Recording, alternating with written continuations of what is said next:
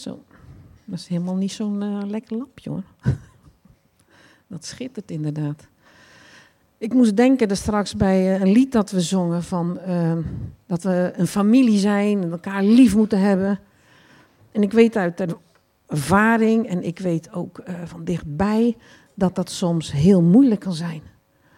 Omdat er juist in deze familie dingen voorvallen. En dat je dat zo niet altijd ervaart. Maar toch, van de week hadden we zusterochtend namelijk. En Monica, die dat, uh, dat leidde die morgen, die had voor ieder een bloemetje mee. En er stond op, omdat je mijn zus bent. En dat zijn we wel. Dat zijn we wel. Maar toen deelde ook iemand dat hij iets moeilijks mee had gemaakt. En uh, weet je, de boze die wil dat er verdeeldheid komt. Dat is een van zijn tactieken. En de staat, we moeten in de gaten hebben, die, zijn tactieken zijn ons ook niet onbekend, dan moeten we in de gaten hebben. En als de Bijbel oproept dat we zelfs onze vijand lief moeten hebben, dan wil hij dat jij je broeder en zuster lief hebt. En dan ga misschien tegen heel je gevoel in, maar je hebt de Heilige Geest gekregen en daardoor kun je het. En is het een uitdaging. En weet je wie er dan helemaal niet blij mee is? Dat is de duivel. Dat je dat dus wel doet. En als je zegt, ik vind het moeilijk, dan zeg je tegen God en Heilige Geest, help mij daarmee. Want ik wil niet dat de boze wint. En weet je wat er zelfs in het Oude Testament staat? Waar liefde woont, ik heb het al eens meer gedeeld, gebied de Heer zijn zegen. En weet je wat hij dan zegt? Oh, heerlijk hoe ze dat daar oplossen. Zegen, zegen, zegen.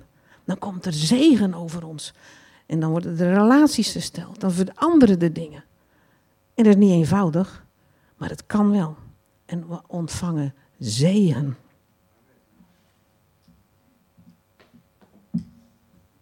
Ja, dat is allemaal niet zo gepland, maar ik heb Rachel gevraagd om wat uh, te delen. En uh, we zingen zo'n lied, wist je niet hè? Miracle worker, promise keeper. En God is een wonderdoende God, toch? Ja, Ad vroeg het net. Ik denk, ja, uh, wat gaan we doen? Ja, moeten we gewoon doen, want we moeten wel getuigen van die wonderlijke God. Want woorden zingen is vrij makkelijk. Maar ja, als je het dan meemaakt, het is zo bemoedigend om, uh, bemoedigend om soms iets van elkaar te horen. Nou, ik uh, ben dus Rachel, zoals de meesten weten. Ik ben zwanger van de vierde. En ik had tot voor kort heel veel last van mijn bekken. Echt ineens. Dat was ook de eerste zwangerschapskwaal die ik merkte. Ik denk, ik heb zo last van mijn bekken, wat raar. Dat had ik alleen tijdens mijn zwangerschap. Toen denk ik, oh, nou, test doen dan. Hè? En jou hoor, ik was zwanger. Maar daarmee starten de klachten. En dat is heel gek, want bekkenklachten krijg je vaak pas op het einde. Dus ik naar de therapeut en nou inderdaad heel heftig. En ik was bij het appeltje met uh, vier kindjes en ik had zoveel pijn van mijn bekken dat ik gewoon niet meer wist hoe ik in de auto moest komen met die kinderen. En toen kwam er iemand mij helpen en ik moest huilen. En denk, ik moet nog een half jaar zo vooruit. Hoe moet dat? Want bekkenklachten worden ook normaal gesproken met de maand erger. Nou, um, ik denk twee weken geleden hadden wij een gesprek met mensen. En dat gesprek dat ging voornamelijk over vergeving. En um, ja, ik, ik had zoiets van, nou, inderdaad, als je iets, iets aangedaan, dan moet je dat bij God brengen en dan moet je dat loslaten. Maar Edwin zei, nee, het gaat veel verder. Het is uh, ook die persoon gaan zegenen. Je moet van die persoon houden. En dat is heel moeilijk als je iets aangedaan is. Nou, na dat gesprek ging ik daarover nadenken. Een half jaar geleden was er iets kleins voorgevallen. Met iemand die mij dierbaar is. Echt iets heel kleins. Als ik er nu over nadenk, denk ik, het is echt een uh, mugje geweest. Maar dat mugje werd in mijn hoofd toch stiekem een olifant. En um, ik probeerde dat altijd gewoon maar los te laten. Maar ik denk, ja, nee, ik moet die persoon in gebed gaan brengen. Ik moet daarvoor gaan bidden. Ik moet die gaan zegenen, lief gaan hebben. Toen ben ik dat een week lang gaan doen. En uh, dat vond ik moeilijk. Want uit eigen kracht is dat echt lastig. Nou, toen uiteindelijk uh, had ik s'nachts, werd ik nat wakker. Allemaal tranen in mijn ogen. En toen had ik gedroomd in de nacht dat ik heel verdrietig was en dat ik aan het huilen was. En blijkbaar kan je dan echt letterlijk gaan huilen in een droom. Dus heel mijn kussen was nat. Toen dacht ik, nou, dit schiet ook niet op. Je kan wel um, uh, vanuit eigen kracht proberen iemand te gaan zegenen en lief te hebben. Maar ja, als je dan s'nachts al het verdriet er alsnog uithuilt, wat, wat schiet je daarmee op? En ik wist het gewoon niet zo goed. En toen dacht ik, ja, ik moet maar even beneden op de bank. Het was iets van twee uur s'nachts. Denk maar gewoon even een stukje Bijbel lezen. En ik dacht, ja God, ik snap niet, wat moet ik nou met dit stukje vergeving? Hoe moet je vergeven? En toen ben ik gewoon gaan Bijbel lezen en er stond nergens in de Bijbel van je moet op je strepen gaan staan en je moet uh, je recht gaan halen bij die persoon. Er stond alleen maar uh, wees de nederigste, wees de vredestichter, wees zachtmoedig. Ik denk, ja, nou dan doe ik dat maar weer. En ik weer voor gebeden, in slaap gevallen. En uh, toen werd ik ochtends wakker met een tweede droom. En dat was een hele fijne droom, dat ik bij die persoon, waar dus een klein dingetje mee was voorgevallen, op visite was. En het was zo leuk en ik werd, daar zo blij van. En ik was zo gelukkig. En uh, nou, toen dacht ik, uh, ja, zo hoort het eigenlijk te zijn. Eigenlijk werd dat gevoel gewoon vanzelf weggenomen. Iets wat ik zelf niet kon doen, dat had God gewoon weggehaald. En Adam werd wakker en zei, mama, zullen we vandaag op visite gaan bij... En toen noemde hij die persoon. Ik denk, dit vraag je nooit. Maar ja, die dag dus wel. Dus uh, nou, een visite geregeld. En het was gewoon heel gezellig. En die mug waar ik een olifant had gemaakt in mijn hoofd en die was gewoon weg. En het mooiste was, sindsdien heb ik geen bekkenklachten meer gehad. En nu kan ik gewoon weer lekker mijn kinderen dragen en tillen en doen. Dus ja, wonderlijke God.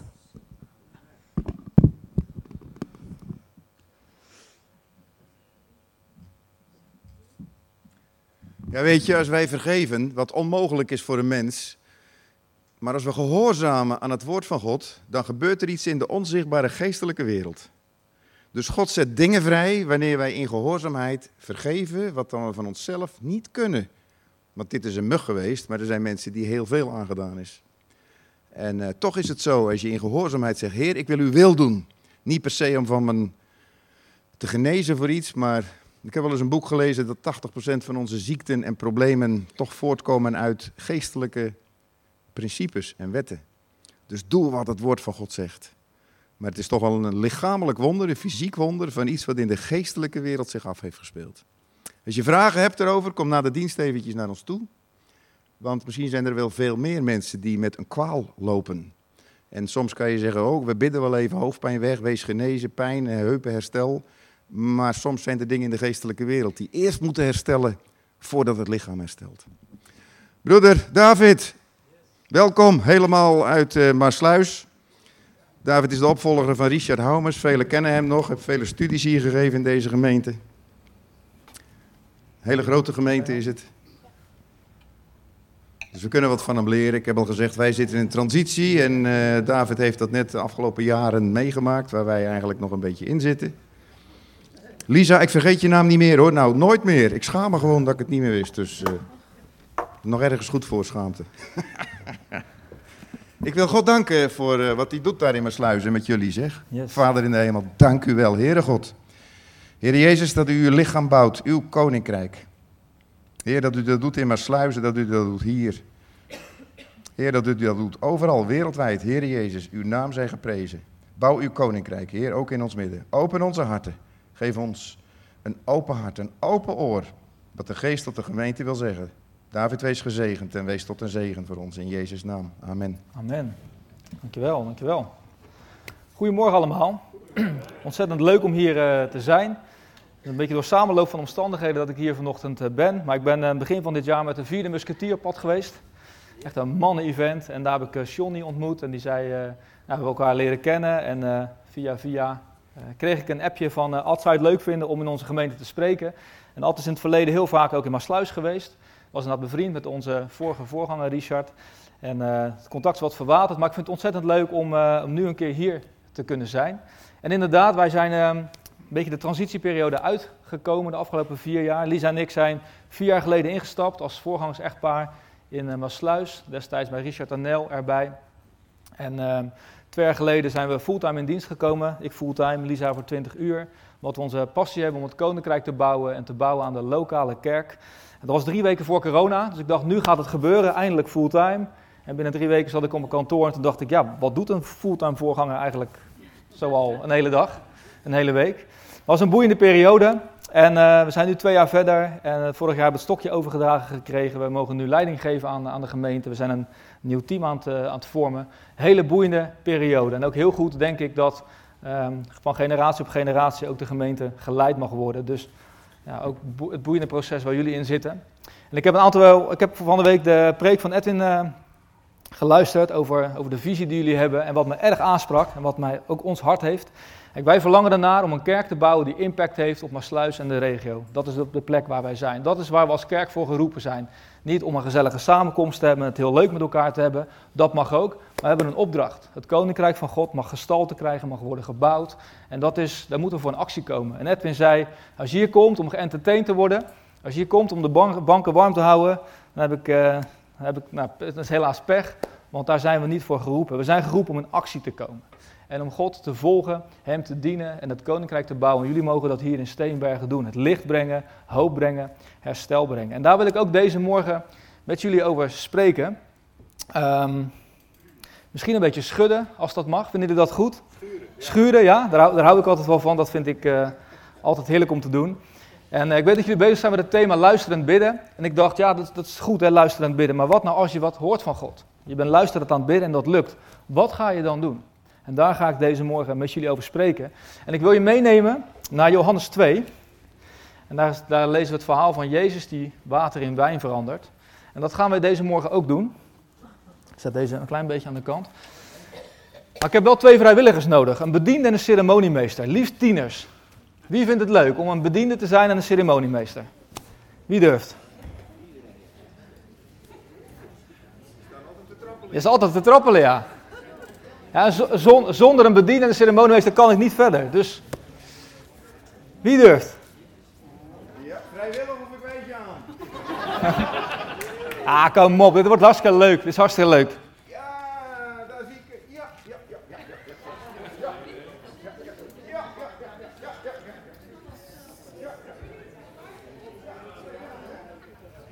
Kijk, ja, hier hebben we de eerste helft. Geef ze een applaus. Super, kom lekker hier, uh, kom lekker hier staan. Jij mag hier uh, komen staan. Kijk, nog een topper. Kom, uh, kom ook naar boven. Super, jij mag aan de andere kant komen staan. Dat wordt echt heel leuk, maar ik ga het een beetje inleiden, ja? Hey, we gaan met elkaar lezen. Johannes 2. Lezen jullie met me mee? Er staat op de derde dag was er een bruiloft in Cana, in Galilea. En de moeder van Jezus was er ook. Belangrijk detail. En ook Jezus en zijn leerlingen waren op de bruiloft uitgenodigd. En toen de wijn bijna op was, zei de moeder van Jezus tegen hem: Ze hebben geen wijn meer. En Jezus zei: Wat wilt u van me? Mijn tijd is nog niet gekomen. Even tot hier. Dus we zijn op een bruiloft in Cana, in Galilea. Jezus is daar ook, blijkbaar is zijn moeder er ook, misschien een soort familiefeestje. De discipelen zijn er ook en ze vieren feest. Ze hebben een bruiloftsmaal, ze drinken wijn, waarschijnlijk drinken ze veel wijn. En dan in één keer is er een groot probleem, de wijn is op.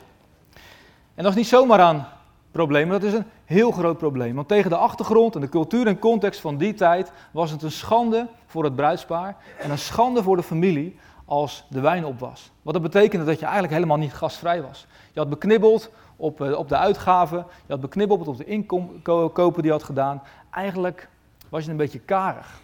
En um, als dit zou, uh, zo door zou gaan en de wijn zou werkelijk op zijn, het was een schande voor het bruidspaar. Daar zou nog jaren over gesproken worden. Weet je nog, die bruiloft? Ja, en na zes dagen was die wijn op. Ja, dat, dat zou echt een schande voor het bruidspaar zijn, een schande voor de familie. Ze hadden echt een heel, echt een heel groot probleem. De wijn was bijna op. Het was zo erg, in het Westland, waar ik vandaan kom, zouden we zeggen, je zou een festival hebben en bier is op. Ja, dat, is, dat kan gewoon niet. Dat is, dat is echt heel erg. Dat, daar spreken ze nog jaren schande van. En dat was hier aan de hand. En de moeder van Jezus komt daar dan op in en die zegt: Jezus, ze hebben geen wijn meer. En Jezus reageert, het lijkt een beetje knorrig, dat is niet zo. Er valt heel veel over te zeggen. Maar Jezus zegt: Nou, wat moet je van me? Mijn tijd is nog niet gekomen. Er zitten heel wat lagen in dit verhaal. En ik laat er ook heel wat liggen deze morgen. Want ik wil gaan focussen op de bediende.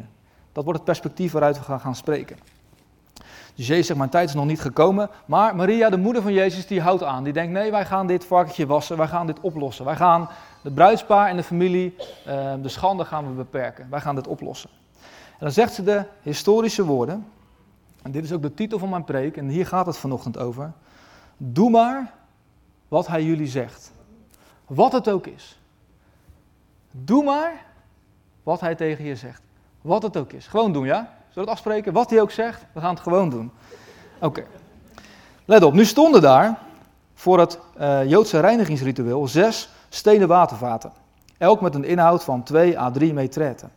En Jezus zei tegen de bediende, tegen de bediende, vul de vaten met water. Even korte pauze. Nou zou je denken, dan lees je door, hè? En dan staat er, ze vulden de, water, hè, de vaten tot aan de rand. Er staan zes van die vaten, 2 à 3 metretten. Dat betekent dat er 600 liter water gevuld moet worden. Als je dat tegenwoordig doet met de kraan open, liefst koud, want warm, dat kost heel veel gas. Um, kost ongeveer drie kwartier tijd om met een volle kraan 600 liter water te tappen.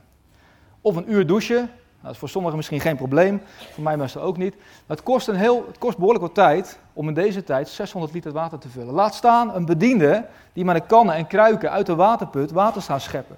Dus als die Jezus hier zegt, joh, vul die vaten even, dan zijn ze misschien wel uren mee bezig geweest. Maar dat gaan we doen. Ik heb het een beetje voor jou alvast een beetje, uh, ik heb je geholpen. Ik heb daar een watervat voor jou, uh, die mag je pakken.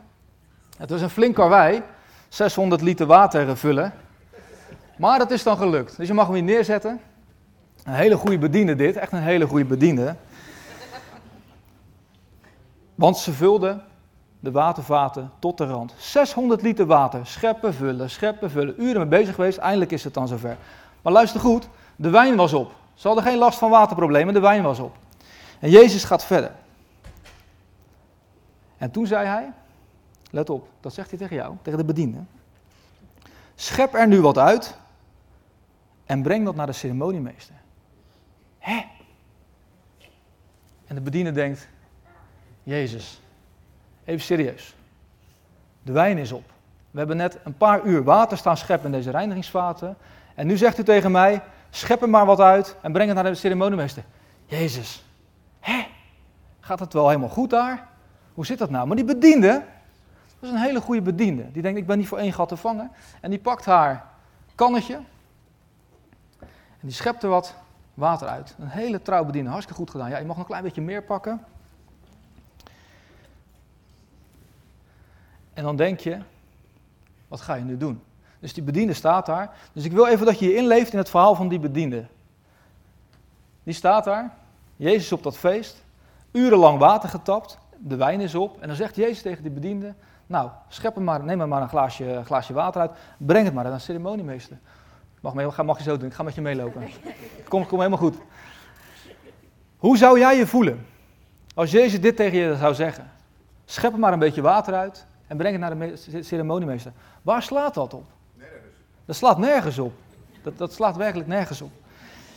Maar die bediende, dus het eerste wat hier moet gebeuren, de bediende heeft de opdracht gehoord. Daar kom ik zo nog even op terug. Dus horen is de eerste stap. Dus jij hebt gehoord hè, dat je zometeen dat, dat glaasje water, waar jij van jij denkt, ja wat gaan we nou toch doen? Jij mag dat naar de ceremoniemeester gaan brengen. Dus je hebt het gehoord. En je hebt het niet alleen gehoord, maar jij denkt, we gaan ervoor. Dus je bent gehoorzaam. Dus tegen beter weten in. En misschien kijk je naar het glaasje en denk wat gaan we nou toch doen? Deze bediende is gehoorzaam en die stapt met mij mee richting de ceremoniemeester. Moet je nou heel verwachten, want de ceremoniemeester die stond daar klaar. Maar nog niet helemaal. Die stond lekker te partyen, die ceremoniemeester. Weet van niks. Je mag deze vasthouden in je linkerhand. Deze in je rechterhand. De ceremoniemeester die weet niks vermoedend, staat daar. En die bediende, die gaat op pad. Dus ze heeft gehoord en die is gehoorzaam. En die denkt, nou, we gaan er gewoon voor. Dus die loopt naar de ceremoniemeester toe. En halverwege stopt ze. En ze kijkt in het glas. En denkt, hè, het is nog steeds water. En die denkt bij zichzelf, wat ga ik, wat ga ik daar nou doen? Ik moet wijn laten proeven aan de ceremoniemeester. Hier sta ik dan met mijn glas water. En ze kijkt nog eens om. En dan denkt ze aan de woorden van Maria. Doe maar gewoon wat hij zegt. Wat het ook is. Wat het ook is. En ze denkt, dit slaat echt helemaal nergens op. Maar ik doe gewoon wat hij zegt, wat het ook is. En deze bediende, oh, die denkt, die stapt door, die stapt door. En ze staat bij de ceremoniemeester, staat een beetje te dralen, een beetje zo van, ja, daar sta ik in mijn glas water. Ze kijkt nog één keer, is het al wijn geworden? Nog steeds geen wijn geworden. Hart in de keel, spannend, spannend, spannend. En die ceremoniemeester die staat hier en die denkt, we zijn nou zenuwachtig te doen. We zijn al zes dagen zijn we wijn aan het proeven. Iedereen is dronken hier. Um, voor de zoveelste keer gaan we een wijn proeven. Maar die denkt, hé, hey, kom maar door. Dus die bediende, trillende handen, schenkt het in een speciale kannetje. Dat deden ze in die tijd. Een paar duizend jaar geleden deden ze het eerst in dit kannetje. Dus die schonk dat zo erin. Heel keurig gedaan. En denkt, oh, en die ceremoniemeester, gaan we een beetje hier staan, dan kan niet goed zien. Die neemt het kannetje, die schenkt het in haar speciale, ja, mag, speciale. En het is gewoon, nou ja, gewoon wijn geworden. Het wonder is hier in één keer gebeurd. En die bediende die denkt, wow, wat is hier zojuist gebeurd? wij hebben water in wijn veranderd. En die ceremoniemeester, die niets vermoedend weet van niks, kent heel die geschiedenis niet, die neemt niets vermoedend een slokje. Een klein slokje kan prima, het is echt goed. Die neemt een slokje. Neemt een slokje. En die zegt, wow, dit is goede wijn. Dit is de lekkerste wijn. Maar een beetje blij kijken, dit is de lekkerste wijn die ik ooit heb geproefd. Waar heb je dit vandaan? En de bediende zegt, ja, ja, ja, ja er, was, er was daar een meneer en iets met water en een paar uur gevuld. En, en wow, bijzonder. Dus, je hebt, dus iedereen is hier dronken, niemand proeft hier niet wat, maar je hebt de beste wijn tot het laatst bewaard. Dus de ceremoniemeester denkt, Kasi, is er nog meer? Die bediende zegt, 600 liter wijn. Hier gaan we voorlopig nog het feestje wel vieren. En als het op is, ik heb een mannetje, het komt echt allemaal goed. Wat een feest. Hier wordt water in wijn veranderd. Dankjewel, je hebt het supergoed gedaan. Je mag het even neerzetten. Zet het maar op de grond neer. Dankjewel, bediende. Je hebt het ontzettend goed gedaan. Trouw geweest. Super.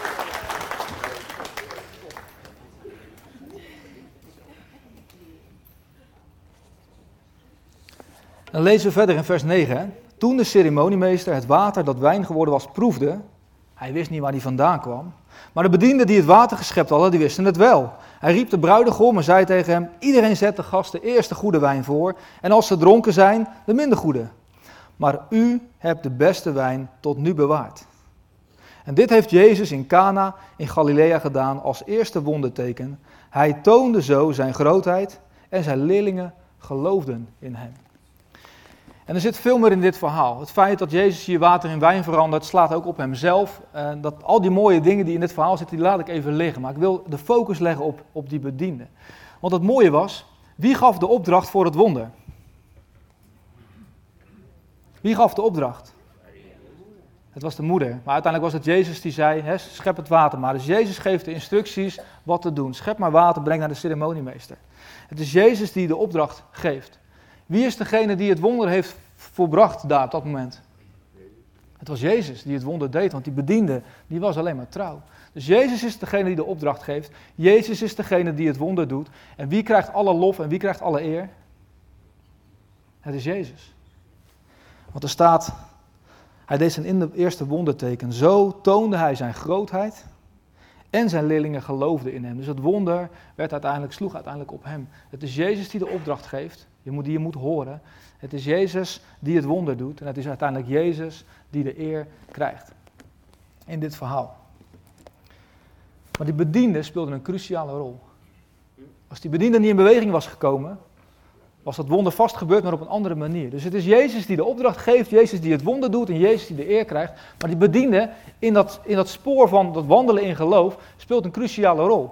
In dit geval, zij moest het horen ze moest gehoorzamen en met dat bekertje water, wat nergens op sloeg, op pad gaan naar de ceremoniemeester. Ze moest doorzetten totdat ze daar was. Halverwege dacht ze, ga ik het doen, ga ik het niet doen? Het lijkt wel gek geworden. Wat als het niet lukt? Wat als me, ze lachen me uit? Word ik misschien ontslagen? Dan kom ik bij de ceremoniemeester, drinkt een glaasje water. Wat zou die er allemaal van denken? Ze moest horen, gehoorzamen, halverwege moest ze doorzetten. Dat was haar cruciale rol. En dit is hoe het werkt in het koninkrijk van God. Dit is beweging van geloof. Dit is hoe het in het koninkrijk van God toegaat. Dit is altijd spannend. Het is altijd niet goed weten wat er gaat gebeuren. En het vervelende van heel veel Bijbelverhalen, alhoewel de Bijbel prachtig is met prachtige verhalen, het vervelende voor ons is, wij kennen vaak het begin van het verhaal, maar wij kennen ook het einde. Kijk, wij weten dat die Rode Zee uiteindelijk spleet en dat die Egyptenaren daarin verdwenen. Maar dat wist Mozes niet toen hij ervoor stond. Kijk, wij weten dat Jozef onderkoning werd van Egypte, maar dat wist hij niet toen hij in de gevangenis zat. Wij wisten dat er wonderbaarlijke spijzen gingen, allemaal bijzondere dingen. Maar dat wisten zij niet toen ze begonnen met delen. Dus het, het lastige van ons is dat wij het begin en het einde kennen. Maar wij, jij schrijft nu je eigen verhaal. Jij bent aan het begin van je eigen verhaal. En dat is hoe het in het koninkrijk van God werkt. En ik noemde net al Abraham. Abraham krijgt de opdracht van God om uit zijn land te vertrekken. Om weg te gaan van zijn familie, van alles wat hij kent. Op weg naar een nieuw land wat God hem zou geven. Waar sloeg dat op? Abraham had het hartstikke goed. Abraham had een prachtig land, een prachtige familie. Hij had alles wat hij wilde hebben. En toch zei God tegen hem: Ik wil dat je je land verlaat en op pad gaat. Hij moest het horen, hij moest gehoorzamen en doorzetten. En hetzelfde geldt voor Jozua. Prachtig verhaal. Maar Jozua moet zeven keer rond de stad Jericho lopen. En de laatste dag zeven rondjes. Waar slaat dat op? Wie zou dat doen? En bij het tweede rondje en het derde rondje en dag vier het vierde rondje en dag vijf het vijfde rondje, niks gebeurt. Dag zes het zesde rondje, niks gebeurt. Dag zeven het eerste rondje, niks, het tweede rondje, niks. En ze gingen in geloof. Waar sloeg dat op? Dit is het, de geloofs, het geloofsbereik waar wij in wandelen. En ik zei net al, de discipelen, die zien duizenden mensen voor zich zitten. En zeggen, nou, Jezus, laten we maar zo naar huis sturen, want ze hebben honger en we hebben geen eten. En dan zijn er uh, drie broden en twee vissen. En dan zegt Jezus hier tegen ze, nou, drie broden, twee vissen, geef jullie ze maar te eten. Jezus, kom op, er zitten duizenden man hier, we hebben twee broden en drie vissen. Ja, geef jullie ze maar te eten.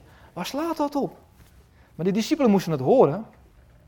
Ze moesten gehoorzamen, wandelen in geloof, met drie broden en twee vissen. En er gebeurde nog helemaal niks. En terwijl ze begonnen te delen, ging Jezus het wonder doen. Wauw, dat was geweldig. Dit is hoe het koninkrijk van God functioneert.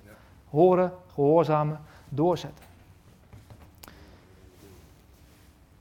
Het startpunt is dat je van God moet horen.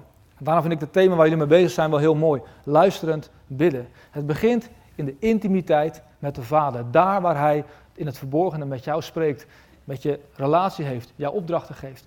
Er staat van Jezus dat Hij zich regelmatig terugtrekt in de stilte om op eenzame plekken daar bij de Vader te zijn.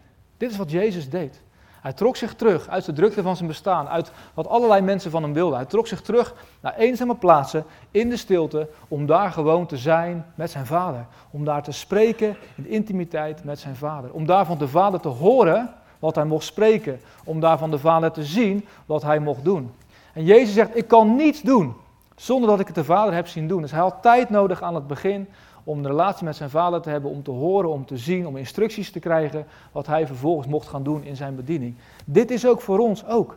Als je luisterend gaat bidden, dat betekent dat je tijd zou moeten nemen, dat je je terug zou moeten trekken van je drukte uit je bestaan. Je moet op een eenzame, stille plek terechtkomen om de Vader in de stilte te ontmoeten. Hier ligt onze eerste opdracht. Als je maar rondrent en de drukte hebt in je gezin en op je werken van alles, dan ben je te druk om het te horen. Je moet jezelf terugtrekken naar eenzame, stille plekken om daar van de Vader te kunnen horen. Maar eenmaal gehoord, komt er nog iets. Stel je voor dat je zit in je stille tijd. En God, de Vader, geeft je een aantal instructies. Hij vraagt je eigenlijk om water te scheppen en dat naar de ceremoniemeester te brengen. Wat ga je dan doen? Misschien denk je, ja Jezus, even serieus.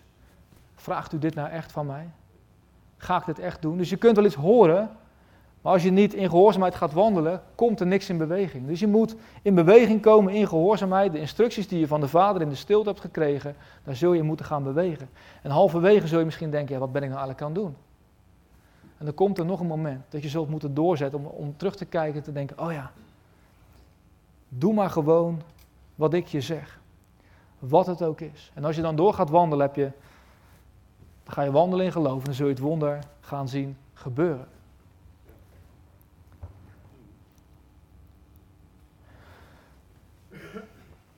Ik heb het onze gemeente ook wel eens gezegd en ik durf het hier ook te zeggen. Hoeveel impact hebben wij als, dat is geen aanklacht, maar ik wil hem even scherp neerzetten. Hoeveel impact hebben wij gemist omdat we door onze drukte niet van God de Vader hebben gehoord wat wij mochten doen op de plekken waar we kwamen. In je gezin, op je werk, op je studie, op de plekken waar je komt, bij de bakker, bij de supermarkt. Hoeveel impact, hoeveel momenten van leven, hoeveel woorden van leven hebben we niet gesproken, hoeveel impact hebben we gemist omdat we simpelweg niet hebben gehoord. Gewoon te druk met onze eigen dingen. En hoeveel impact hebben we als kerk gemist, omdat we het wel hebben gehoord, maar het nooit hebben gedurfd. Toen dachten ja, even serieus, ga ik met het glaasje water naar de ceremoniemeester lopen? Ga ik dat serieus doen? Dus hoeveel impact hebben wij gemist, omdat we het wel hebben gehoord en niet hoeveel we hebben gedurfd? En hoeveel impact hebben wij als christenen, als kerk van God gemist, omdat we het wel hebben gehoord, misschien ook wel in gehoorzaam op, op pad zijn gegaan en halverwege hebben gedacht, eigenlijk durf ik het niet. Ik, ik, ik, ga, ik ga toch maar terug. Het, is, het is misschien ja, ik, ga ik durf het toch niet aan. Hoeveel impact hebben wij als kerk gemist? Kostbare momenten waar we iets van het leven en herstel en hoop van Jezus Christus konden delen. En dit is geen aanklacht, maar veel meer een uitnodiging en een aanmoediging. Want Jezus en God de Vader wil spreken in de stilte. Hij wil je opdrachten geven, zodat je op de plekken waar je komt, want de kerk is niet alleen op zondag, maar maandag tot en met zaterdag misschien nog wel veel meer, op de plekken waar je komt, woorden van leven te spreken. Een hand op te leggen, samen met iemand te bidden. En dat is spannend, absoluut. Ga ik zo nog wat over delen. Maar stel je nou voor, Dat je dit met elkaar gaat oefenen. Dat vind ik gewoon leuk hoe God de Vader dan werkt. Stel je voor, je bent aan het luisteren en bidden. En in de stilte zegt God tegen jou: Ik wil dat je een kaartje stuurt naar die en die, een buurman verderop. En ik wil dat je een aantal mooie woorden van mij opschrijft. Dus je krijgt een aantal mooie woorden waarvan je denkt: die mag ik op een kaartje schrijven. En in je stilte hoor je dat. En dan denk je: ja, maar die buurman, ga ik dat nou wel doen? En hij ziet me aankomen met dat kaartje en we hebben amper contact. En, en je bent gehoorzaam. En je denkt: weet je, ik ga het gewoon doen. Ik heb een preek gehoord, we zijn luisterend bidden geweest, ik ga, ik ga wel gaan in actie komen. Dus je schrijft een kaartje voor degene verderop. En je gaat in gehoorzaamheid onderweg. En je loopt naar die deur en halverwege denk je nog, gaan we dit, ga, ik dit, ga ik dit briefje echt durven sturen? Wat zal die van me vinden? Wat zal die van me denken? Wat zal er wel of niet gebeuren? Maar je besluit om door te zetten en je wandelt in geloof en je herinnert de woorden van Jezus. Doe maar gewoon wat ik je zeg, wat het ook is. En je wandelt naar die buurman en je doet het kaartje door de brievenbus. En een paar dagen later belt die buurman aan. Wauw, dit waren de mooie, mooiste, impactvolle woorden die ik ooit heb kunnen, kunnen horen. Het was het juiste moment, op de juiste plek. Ik had dit zo nodig. Dank je wel voor wat je hebt gedaan. Dan ben je als die bediende toch, die dat water in wijn ziet veranderen en denkt, huh, het gebeurt echt. Ik heb Jezus gehoord, ik heb het goed gehoord, ik ben gehoorzaam geweest, ik heb doorgezet. En nu begint het wonder zich daar te volbrekken. En je rent terug naar dat water ding en je denkt, oh, dit, hier, dit smaakt naar meer, hier wil ik wel meer van. En zegt, nou, naar wie ga ik het volgende kaartje schrijven? Maar dan is het leuke van het optrekken met Jezus. Zegt nee, kaartjes schrijven hebben we nu gehad. Ik wil nu graag dat je 100 euro gaat geven aan die en die. Ja, Jezus, dat kaartje wat was nog wel te doen. Maar 100 euro, heb ik dan wel zelf genoeg? Kom ik dan wel rond? Ja, Jezus, u weet toch ook de gasprijzen en de energie en crisis en moeilijk. En... Nee, ik wil dat je 100 euro geeft en ik wil dat je investeert in het koning. Ik geef het maar aan die en die. En je besluit, je hebt het gehoord, je besluit in gehoorzaamheid te wandelen en je gaat met 100 euro op pad. Halverwege denk je nog 100 euro, mijn gasrekening, maar je denkt nee, ik zet door, want ik doe gewoon wat hij me zegt, wat het ook is. En je loopt door en je geeft die persoon 100 euro en je zegt wauw, we zaten zo in nood, we konden geen brood meer kopen. We hadden God gebeden, wilt u een wonder doen? En nou kom jij met 100 euro, je bent, je bent een godsgeschenk. En je ziet ter plekke dat water in wijn veranderen. Je denkt, dit smaakt naar meer. En je rent terug en je zegt, Jezus, 100 euro, zegt Jezus. Ja, nee, het kaartje hebben we nu gedaan. 100 euro hebben we nu gedaan. Wat nou als je maandsalaris is investeert in een bediening in het koninkrijk? Een maandsalaris. Jezus, dat kan toch niet? En dit is het gave van Jezus. Elke keer als je met hem optrekt, als je gaat wandelen in gehoorzaamheid, als je gaat het, het, het water in wijn ziet veranderen en je ziet de wonderen en tekenen om je heen gebeuren. Je mag groeien met Jezus, je mag groeien in autoriteit en de uitdaging wordt steeds groter. Je gaat steeds bijzondere en mooiere dingen zien. Steeds meer water in wijn zien veranderen. Als je hoort, gehoorzaam bent en doorzet om uiteindelijk het wonder te zien gebeuren. Dit zou ons leven moeten zijn. Is het spannend? Absoluut. En ik wil je, om het een beetje, nou, een beetje persoonlijk te maken, ik wil je twee voorbeelden geven. Want je kan misschien denken, ja, dat is een mooi verhaal. En uh, klinkt allemaal gaaf. En jij wandelt daar natuurlijk elke dag in. Nou, voor mij is het absoluut ook een uitdaging. En ik wil je twee verhalen vertellen. Een verhaal van teleurstelling en een verhaal van hoop. Want ik was hiermee bezig, dit, dit verhaal raakte mij. Gewoon om het feit die bediende. Ik dacht, hoe, hoe zou die bediende dat nou gehad hebben? Je bent daar bediende op een feest, er komt Jezus en die geeft je een bizarre opdracht. En je ziet daar water in wijn veranderen. Hoe werken die dingen? Hoe zou, dat, hoe zou die bediende zich gevoeld hebben?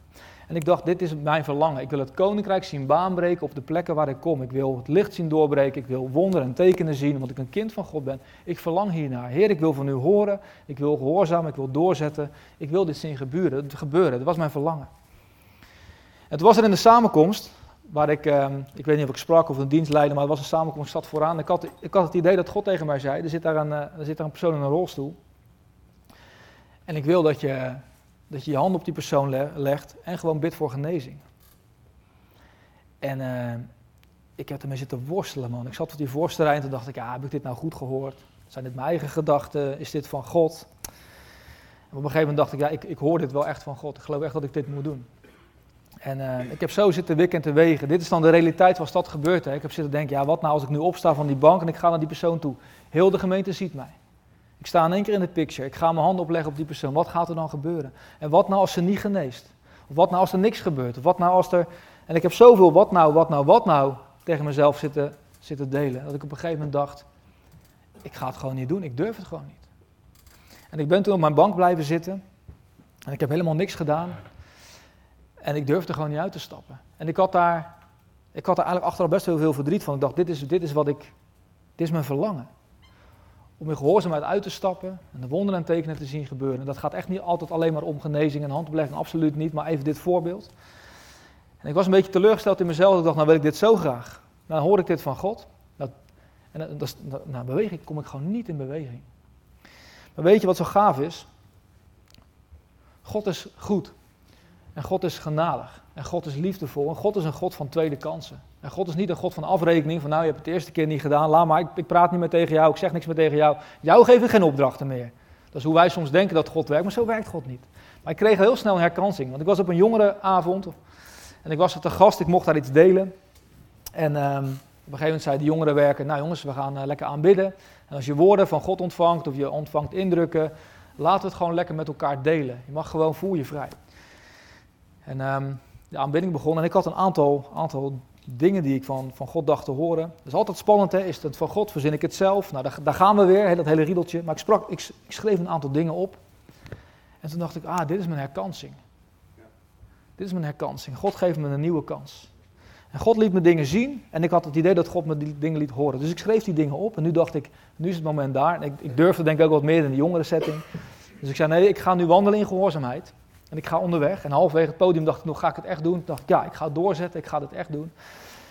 En toen zei ik in de groep, dat was, dat was, vond ik, ik vond het voor mezelf indrukwekkend. Ik zei, ik heb het idee dat er iemand in de groep zit die zich afvraagt of die wel echt gered is, of die welkom is bij God. En ik wil tegen je zeggen, dat had ik letterlijk zo opgeschreven, jouw naam staat opgeschreven in het boek van het leven. Wie, wie verzint zoiets? Ik, dat, dat had ik nooit zelf bedacht, zelf verzonnen. Ik had gewoon het idee, ik moet tegen iemand zeggen dat je naam opgeschreven staat in het boek van het leven. Ja, het was een beetje als dat glaasje water. Ja, ga ik dat echt delen? Wat, wat ga ik daarmee doen? Uh, maar goed, ik, was, ik had het gehoord. Ik was gehoorzaam. Ik zette door en ik heb gedeeld. En toen kwam er uit die groep een jongen naar voren, in tranen. Hij zei, ik worstel al jaren met het feit of ik gered ben en of, of ik bij God welkom ben en of ik er mag zijn. Hij zegt, en ik had vanmorgen gebeden dat als God echt bestaat en er echt van me houdt, dat er iemand zou zeggen dat mijn naam opgeschreven stond in het boek van het leven.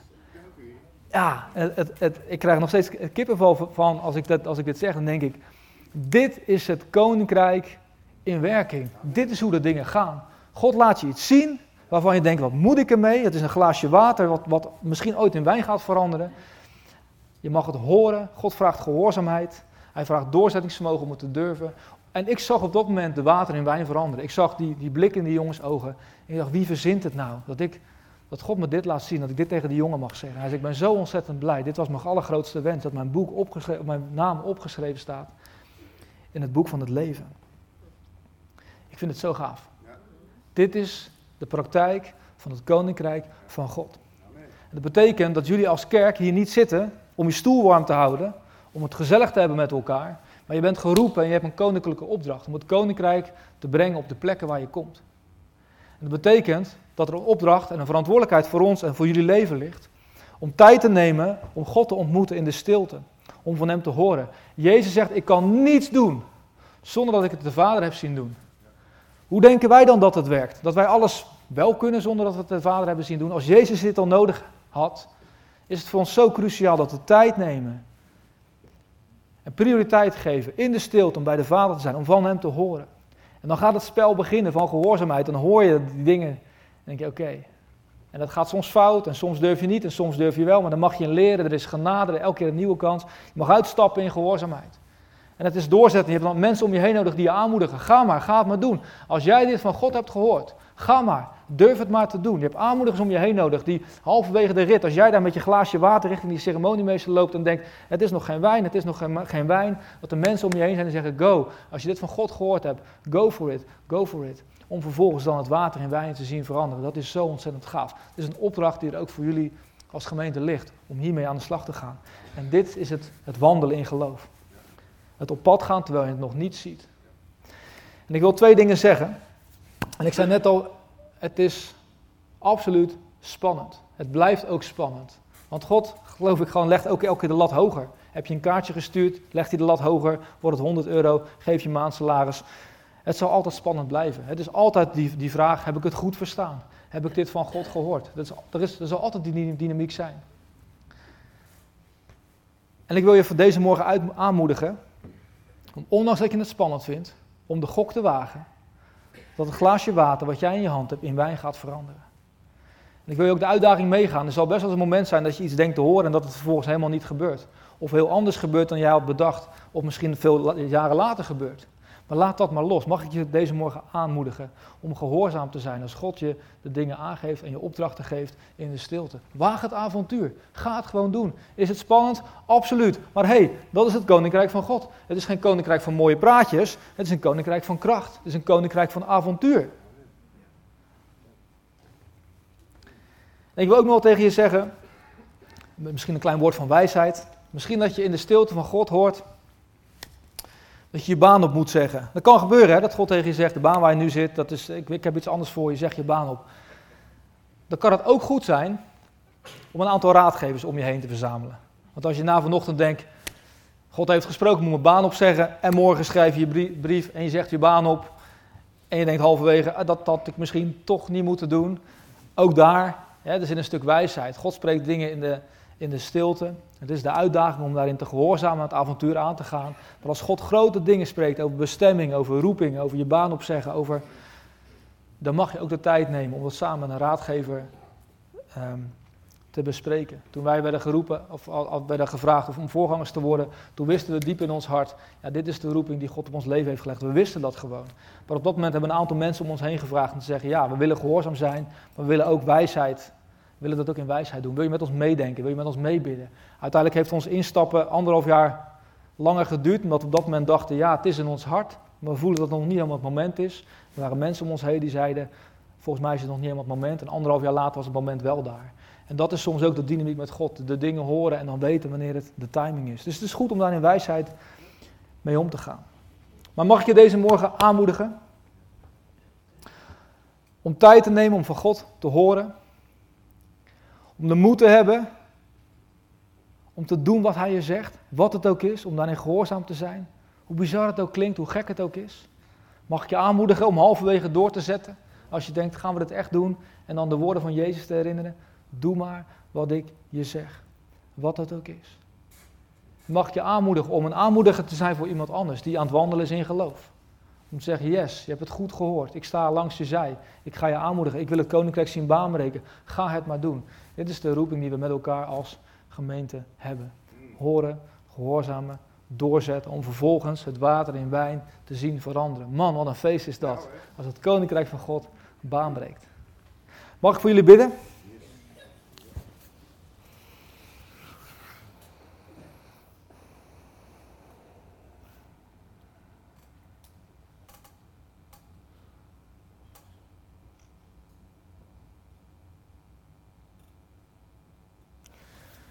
Jezus, wat bent u groot.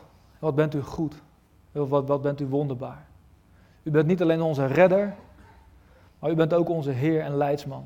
Degene die ons erop uitstuurt, degene die ons opdrachten geeft, zoals u dat aan de discipelen deed. Om er twee aan twee op uit, te gaan en de zieken te genezen, demonen uit te drijven. Bizarre dingen. U bent degene ook die ons in deze tijd leidt. U bent het hoofd van uw gemeente. U staat aan het hoofd van uw kerk. Ik wil over deze gemeente uitbidden, Vader. Dat dit geen gemeente zal zijn die de stoelen warm houdt. En die het gezellig heeft met elkaar.